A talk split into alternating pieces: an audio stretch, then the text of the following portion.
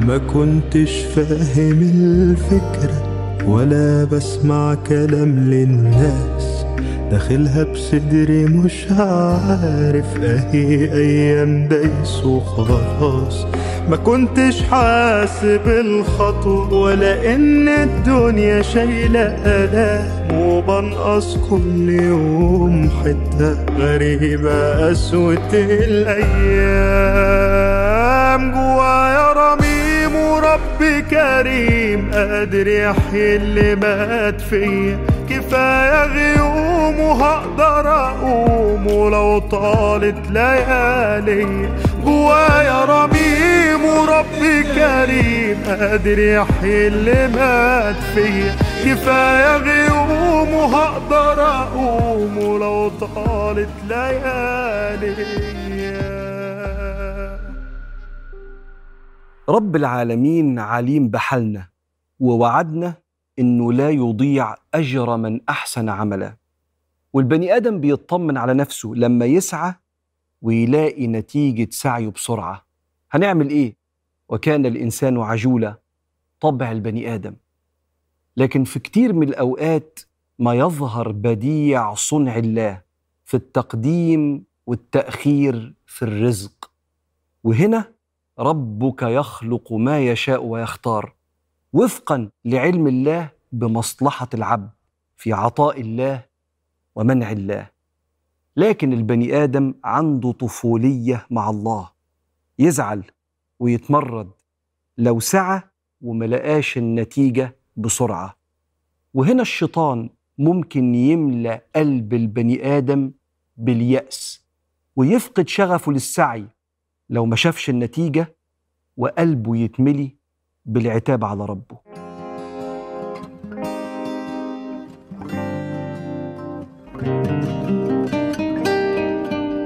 الشغف هو التأقلم مع الألم في رحلة تحقيق الإنجاز. هذا الشغف. إن أنا يبقى عندي قدرة على تحمل ثمن كل إنجاز وده اللي بيقومني الصبح. عندي استعداد إن أنا أدفع ثمن أي حاجة نفسي أحققها. لأن إحنا مش في الجنة. الجنة لهم ما يشاءون فيها ولدينا مزيد. أما الدنيا فكل حاجة ليها تمن. الشغف هو الهمة والإرادة اللي بتصحيك. أنا جاهز أبدأ يومي عشان رحلة رزقي رحلة دراستي أيا كان عايز تحقق إيه عندي القدرة إن أنا أقوم وأتحمل تمن ده. فقدان الشغف بيخلي البني آدم عطلان. وانت لو عطلت هتفقد أحد أهم أسباب سعادتك وهو نشوة مطاردة الإنجاز. بني آدم لما يبقى قدامه حاجة وبيجتهد عليها ويحققها دي نشوة كبيرة جدا بتعمل معنى للحياة. اللي بيفقد المعنى ده غالبا بيدخل في سلوكيات تخريبية لنفسه وللمجتمع كمان. عشان كده إحنا النهاردة جايين نعيد بناء. هذا الشغف الرغبة في الإنجاز اللي ساعات بتفتقده. سبب لا سببين. سببين لفقدان الشغف للسعي. السبب الأولاني الخوف من خيبة الأمل. يمكن سمعت قصة واحد كان نفسه يفتح شركة وبعدين فلس واتأذى بعد كده. يمكن أنت حاولت وعندك تجربة مؤلمة إنك تطور من نفسك فمحدش شافك ولا اهتم بيك فارتبط عندك المحاولة والجد بالألم وخيبة الأمل. فبقى مفيش كده إيه مفيش طاقة. ففقدت الشغف للسعي. لو تفتكر سيدنا موسى وهو بيقول لبني إسرائيل خشوا الأرض المقدسة وربنا هيعينكم وعون ربنا معاكم. فكانت الإجابة إجابة منهزمة فاقدة للرغبة في أي خطوة رغم إن نبي من أنبياء الله بيقول لهم ربنا بيقول لكم عن طريقي أنا معاكم وهتستردوا أرضكم. وإذ قال موسى لقومه يا قوم اذكروا نعمة الله عليكم إذ جعل فيكم أنبياء. وجعلكم ملوكا وآتاكم ما لم يؤت أحدا من العالمين. هو أنتوا ربنا؟ في حاجة اتأخرت عنكم قبل كده؟ هو في تقصير معاكم؟ ده ربنا الكامل صاحب المدد. يا قوم ادخلوا الأرض المقدسة التي كتب الله لكم ولا ترتدوا على أدباركم فتنقلبوا خاسرين. بص بقى فقدان الشغف. قالوا يا موسى إن فيها قوما جبارين وإنا لن ندخلها حتى يخرجوا منها فإن يخرجوا منها بص الكلام المهزوم فإن يخرجوا منها فإنا داخلون. قال رجلان من الذين أنعم الله عليهم بالإرادة والقوة ادخلوا عليهم الباب فإذا دخلتموه فإنكم غالبون وعلى الله فتوكلوا إن كنتم مؤمنين. قالوا يا موسى إنا لن ندخلها ابدا ما داموا فيها فاذهب أنت وربك فقاتلا. بص العطلة بقى انا هاهنا قاعدون. فالبني آدم لما يبقى خايف من إنه يخش في رحلة السعي خوفا من خيبة الأمل يتعطل. السبب الثاني اللي بيخلي الإنسان يفقد شغفه للسعي هو عدم استعداده لدفع ثمن الإنجاز. زي ما بقول لك الجنة لما تبص لحاجة تبقى ملكك فينظر إلى الطائر فيسقط مشويا بين يديه. ينظر إلى الثمرة فيقوم الغصن كده ودانية عليهم ظلالها وذللت قطوفها تذليلا. الثمره تنزل لك ما تمدش إيديك. دار الراحة والجزاء. أما الدنيا لا. لقد خلقنا الإنسان في كبد. كبد يعني تمن كل إنجاز لازم يدفع. من التزامك وتعلمك من أخطائك وتحملك للمسؤولية. يا أيها الإنسان إنك كادح إلى ربك كدحا فملاقيه. ده هو رحلة السعي دي اللي هتتحاسب عليها مش النتائج. فلما البني آدم ما يبقاش عنده استعداد إنه يدفع ثمن الإنجاز من التزام وتحمل مسؤولية وانضباط وجهد ووقت وتعلم مع أول صعوبة كده يفقد شغفه. هو عايز كل حاجة على الجاهز وهنا لازم تقف. أنت هتتعطل. بقدر الكد تكتسب المعالي. ومن طلب العلا سهر الليالي. ومن طلب العلا بغير كد يعني تعب أضاع العمر في طلب المحال. تريد العزه ثم تنام ليلا؟ يغوص البحر من طلب اللآلي اللؤلؤ عشان تجيبه لازم تغوص وتكتم نفسك لغاية ما توصل للؤلؤ. فكل حاجة ليها تمن اللي مش ناوي يدفع التمن غالبا بيفقد الشغف للسعي.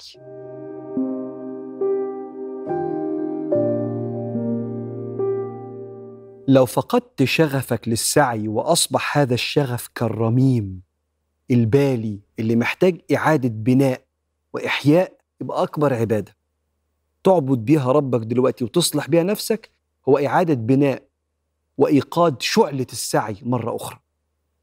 وهقول لك لو ما عملتش كده أنت في خسائر كتير في حياتك هتدوقها وهتعيش بيها ولازم توقفها وده واجبك تجاه نفسك.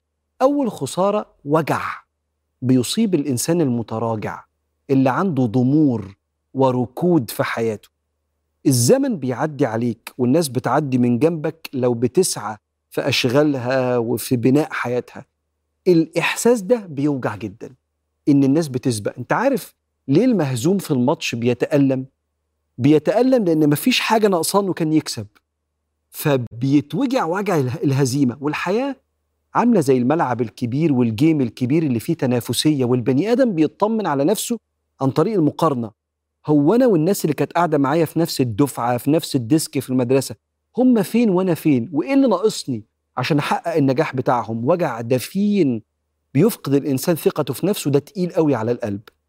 عشان كده كان سيدنا النبي عليه الصلاة والسلام في غزوة مؤتة يوم ما اتقتل أحد الصحابة غدرا فالنبي جهز جيش وقال لهم بكرة تقابلوني بعد الصبح تتجمعوا بعد صلاة الفجر بره المدينة تجهزوا الجيش وأنا هاجي لكم. كان يوم الجمعة. فسيدنا عبد الله بن رواحة قعد مع النبي في المدينة وما طلعش يتجهز في الجيش. ليه؟ أحضر صلاة الجمعة مع سيدنا النبي عليه الصلاة والسلام هو هيخطب واسمع الخطبة. وأدينا قاعدين وأبقى أخرج بعد الظهر أروح ليهم. وهم قاعدين بيتجهزوا بأمر النبي بعد الفجر. فلما النبي راح بعد صلاة الجمعة قال فين عبد الله بن رواحة؟ كان زي ما يكون إيه جهز نفسه ولبس وجي بعد صلاة الجمعة. قال له إيه اللي أخرك؟ قال له يا رسول الله قلت أقعد كده معاك الثلاث أربع خمس ست ساعات دول وأحضر الصلاة وهو كده كده مش هيمشوا. قال لا لو أنفقت مثل أحد ذهب ما أدركت غدوته. الناس اللي شقيت من الصبح دي لو طلعت جبل أحد ذهب مش هتاخد إحساس ولا أجر تعبهم من الفجرية. فبص كده لا سبقوا. الناس اللي طلعت بدري دي سبقت. فده وجع. وجع الركود إن في حد سبقك وكنت الطبيعي تبقى معاه لا أنت ما تستحملش الوجع ده. حاجة تانية البني آدم اللي ما بيقفش ويرمم ويبني الشغف اللي فقده ده للسعي يفقد احترامه لنفسه واحترام الناس ليه. تعرف وأنت بتقول أنا متأخر بس اصلي راجع من الجامعة؟ عارف وأنت بتقول كده؟ قلبك بيحس بالإنجاز. أنا كنت في الجامعة وراجع. ده معناها إن أنا ملتزم وبروح وبدرس فمش هقدر أروح إلا لما أخلص المسؤولية اللي عليا. بس هودي العيال التمرين وأبقى الحقكم بالليل. هنظف البيت ستي هنظف البيت وبعدين هبقى مش عارف هعمل إيه. هلحق العزومة العائلية. في حاجة بعملها. في بنى في حياتي. ده بيخلي البني آدم يحترم نفسه. والناس كمان تحترمه وتشعر إن هو بينجز وعنده مسؤوليات. آخر خسارة بيعيش بيها اللي فقد شغفه للسعي حالة من الحزن الدفينة بسبب إن ثقل التأخر أتقل على القلب من ثقل السعي. يعني إيه؟ هم السعي والمعاملة مع الناس والشغل وتحمل المسؤولية والمشاكل وتحقيق التارجت آه ده صعب. بس جواه نشوة. التاني هم ما فيهوش أي فرحة إن أنا قاعد والكل بينزل وبيشتغل وبيحاول. مش أنا ما فيش فرص ليا أنا مش قادر أروح مش قادر أنزل مش عايز. في شغف انطفى وأنا مش عايز أوقد هذا الشغف تاني. ده تقيل قوي على القلب قوي. ولما سيدنا النبي عليه الصلاة والسلام جت قبيلة الأشعريين قالوا له فلان لم نرى أتقى منه. فقال لهم احكوا لي عنه. فقال لا يترك مكانا إلا كان له فيه قراءة. قرآن يعني أو كان له فيه صلاة. فقال صلى الله عليه وسلم ومن يحمل عنه ضيعته مين اللي بيصرف عليه؟ ومن يطعم دابته؟ فقالوا نحن يا رسول الله. قال كلكم خير منه. إذا كان هو قاضي حياته في التفرغ للعبادة ها؟ لكن ما بيشتغلش وما بيكسبش لقمة عيشه ومش بيضيف لنفسه ولا المجتمع كلكم أفضل منه. ما بالك اللي فاقد الشغف وقاعد ومش عايز يعيد هذا البناء؟ عشان كده بقول لك يا صاحبي بسم الله قوم معايا. قوم معايا لو عندك شيء من اليأس أو فقدان الأمل يلا هقول لك على خطوات ترمم بيها هذا الشغف المفقود لأن ده حقك على نفسك.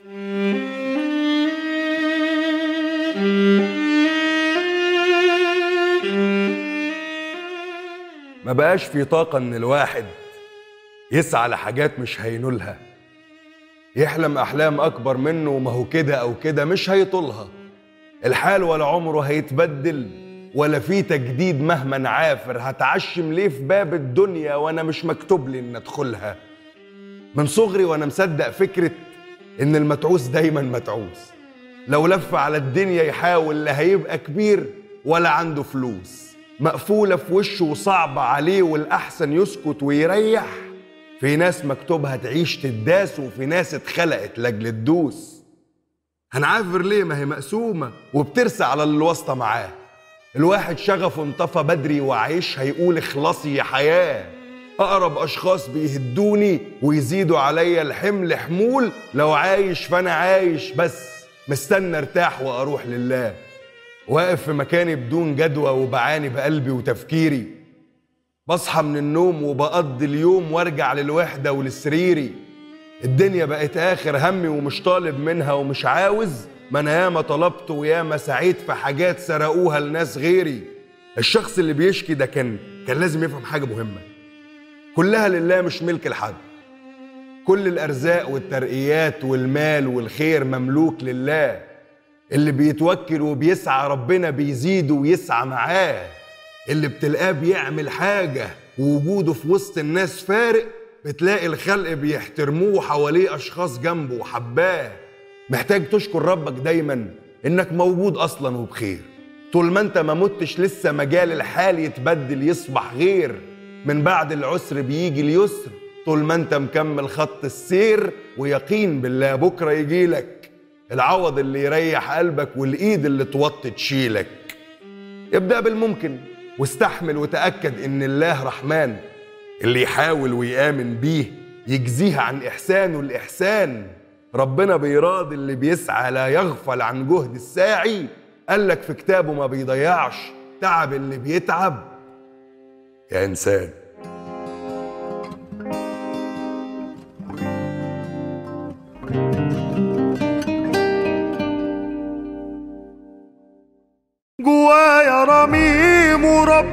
كريم قادر يحيي اللي مات فيا كفاية غيوم وهقدر أقوم ولو طالت ليالي لو فقدت شغفك للسعي بسبب محاولات ما لقيتش النتيجة من وراها أو شفت ناس ما بتتعبش لكن الدنيا ماشية معاهم أو شفت ناس ما عندهاش قيم وبسبب فقدانها للقيم برضو عمالين يحصلوا مصالح ومنافع بسبب إن هم باعوا قيمهم فحسيت إن هي مش مستاهلة. وفقدت شغفك وطاقتك للسعي أنت مسؤول دلوقتي. لسه الحياة قدامك كبيرة. مسؤول ترمم هذا الرميم اللي أنت فقده ومهدوم وهو شغفك وطاقتك ورغبتك في السعي. علشان تعمل كده هقول لك الأول على فكرة. الفكرة دي قدر اللي ربنا بيقدره. الله بيقدر سعيك. وعايز أفكرك بحاجة أنت عارفها بس تاهت مع الزعل اللي جواك. إحنا جايين هنا الدنيا عشان ربنا مش حد تاني. وربنا اللي إحنا جايين علشانه قال لنا العبادة السعي وليست النتيجة. والحساب على السعي وليس تحقيق الآمال والنتائج. ولو خدت لقطة من حياة أي نبي في بداية دعوته ممكن تشوف بتقييمك أنت سعي بلا نتيجة. طب أقول لك على حاجة في أنبياء هتاخد آخر لقطة في حياته. ممكن بتقييمك تلاقي سعي والنبي ده ساب الدنيا بلا نتيجة. قال صلى الله عليه وسلم ويأتي النبي ومعه الرهط عدد من الناس. ويأتي النبي ومعه الرجلين. ويأتي النبي ومعه رجل ويأتي النبي وليس معه أحد. قعد يدعو الناس إلى الله سنين عمره ما حدش أسلم. النبي قال كده عليه الصلاة والسلام وده نبي يعني عمل كل اللي مطلوب منه لأنه بيتحرك بوحي من ربنا. قدر سعيك. وإن شاء الله لأن أنا وإنت غلابة ما نستحملش كده ربنا هيكرمك على سعيك لأنه وعد. بس استنى شوية. لما سيدنا موسى قابل ربنا في أول مرة قال له يا موسى إنني أنا الله الذي لا إله إلا أنا فاعبدني وأقم الصلاة لذكري. إن الساعة آتية أكاد أخفيها لتجزى كل نفس بما تسعى. فلا يصدنك عنها عن السير وعن الساعة فلا يصدنك عنها من لا يؤمن بها واتبع هواه فتردى. فما تمشيش ورا الأفكار بتاعت ما حصلش نتيجة يبقى مفيش أمل في السعي. قدر اللي ربنا بيقدره. وهقول لك على حاجة أنت عارفها كويس أفكرك بيها. قال صلى الله عليه وسلم وهو بيقدس في قلوبنا فكرة العمل والسعي. قال إذا قامت القيامة وفي يد أحدكم فسيلة نبتة بتاعت نخلة محتاجة شهور عشان تنبت. إذا قامت الساعة وفي يد أحدكم فسيلة فإن استطاع ألا يقوم حتى يغرسها فليغرسها. يلا بسم الله. بسم الله اغرس لأنك أنت هتتحاسب على ده مش على النخلة اللي كبرت وطرحت والناس أكلت منها. فقدر اللي ربنا بيقدره. حاجة التانية أقول لك عليها. ما تستصغرش الخطوات. ابدأ بخطوات صغيرة وشوف مدد ربنا هيبقى عامل إزاي. كان سيدنا أبو سليمان الداراني ودول كانوا عباد. كان يقول ليست العبادة أن تصف قدميك وغيرك يتعب لك. مش العبادة إنك تبقى عابد وبتصلي وبتقيم الليل واحد بيشتغل بيصرف عليك. ولكن العباده أن تحرز رغيفك اولا ثم تتعبد. يلا بسم الله. خطوات صغيرة عشان لقمة العيش. خطوات قال فيها صلى الله عليه وآله وسلم عشان تعيد بناء شغفك للسعي. قال لي أن يأخذ أحدكم أحبله على ظهره يحتطب. خير له من أن يمد يده للناس أعطوه أو منعوه. إنك تشتغل شغلانة بسيطة بخطوات بسيطة جدا. ترمم بيها شغفك المفقود بس تنزل من بيتك تسعى. كان زمان بسيط قوي الشغلانة إن أنا أحط الحبل وأروح الغابة أكسر في شوية وألمهم في الحبل كده وأرجع أبيع الحطب للناس اللي عايزة تولع النار. مش صيد ولا حرب ولا دي حاجة بسيطة جدا. اعمل كده. النبي قال لك تعمل كده عليه الصلاة والسلام. وخطوة بمدد ربنا ورا خطوة ربنا يفتح عليك ويجبر بخاطرك. قدر اللي ربنا بيقدره السعي وابدأ بخطوات صغيرة. انت كده بتعيد بناء شغفك المفقود للسعي.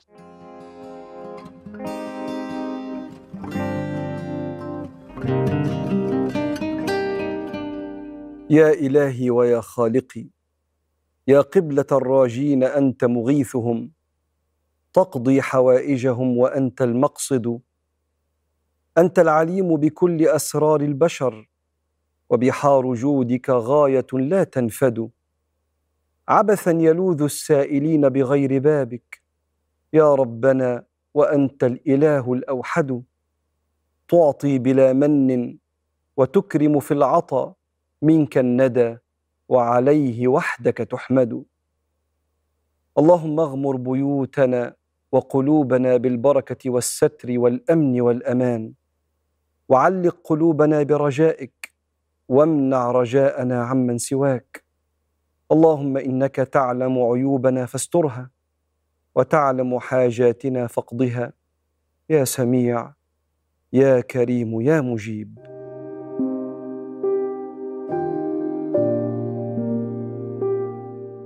لو قدرت ترمم وتعيد بناء شغفك اللي فقدته في رحلة حياتك للسعي اعرف إنك أنت هتجني بإيديك خيرات كتيرة لأن ربك رزاق وربنا بيحب المجد المجتهد. أول حاجة هتجنيها إن ربنا هيعوض عليك بسبب خبرتك. أيوه. تعرف يعني إيه خبرة؟ الخبرة هي ما تحصل عليه إذا لم تحقق ما تريد. الخبرة اللي بتكتسبه لما ما تحققش اللي أنت عايزه. أنت عرفت الطريق اللي ما يوصلش إزاي. ودي خبرة كبيرة قوي. الخير التاني اللي هتجنيه هو ميزان ثقيل يوم القيامة. ما إحنا اتفقنا بقى وأن ليس للإنسان إلا ما سعى وأن سعيه سوف يرى ثم يجزاه الجزاء الأوفى وأن إلى ربك المنتهى. المجهود النفسي والمجهود البدني اللي بيعمله الإنسان اللي فقد شغفه في إحياء وترميم وإعادة بناء هذا الشغف وشقه للطريق تاني بعين الله. واصبر لحكم ربك فإنك بأعيننا. ولما ربنا سبحانه وتعالى شاف ناس شغالة ومجتهدة يوم ما فرض قيام الليل في بداية دعوة النبي عليه الصلاة والسلام قال للناس دول أنا عليم بحالكم ومقدر مجهودكم. فصلوا على قد ما تقدروا حتى لو بآيات قليلة. علم أن سيكون منكم مرضى. وآخرون يضربون في الأرض يبتغون من فضل الله اللي بيشتغلوا. وآخرون يقاتلون في سبيل الله فاقرأوا ما تيسر منه. وأقيموا الصلاة وآتوا الزكاة وأقرضوا الله قرضا حسنا. وما تقدموا لأنفسكم من خير تجدوه عند الله هو خيرا في الدنيا. وأعظم أجرا. فأنت أي سعي بتعمله بعين الله وميزانك هيبقى تقيل قوي. وده يكفيك. عوض في الدنيا من ربنا وثقل في الميزان يوم اللقاء. وربنا يتقبل من كل مجاهد في ميادين الحياة.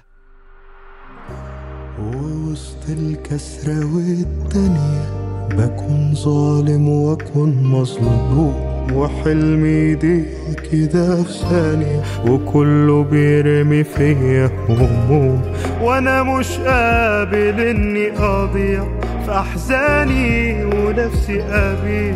هداوي جراحي مهما تكون ولا أكسر في قلبي واهون جوايا رميم وربي كريم. قادر يحيي اللي مات فيا كفاية غيوم وهقدر اقوم ولو طالت ليالي.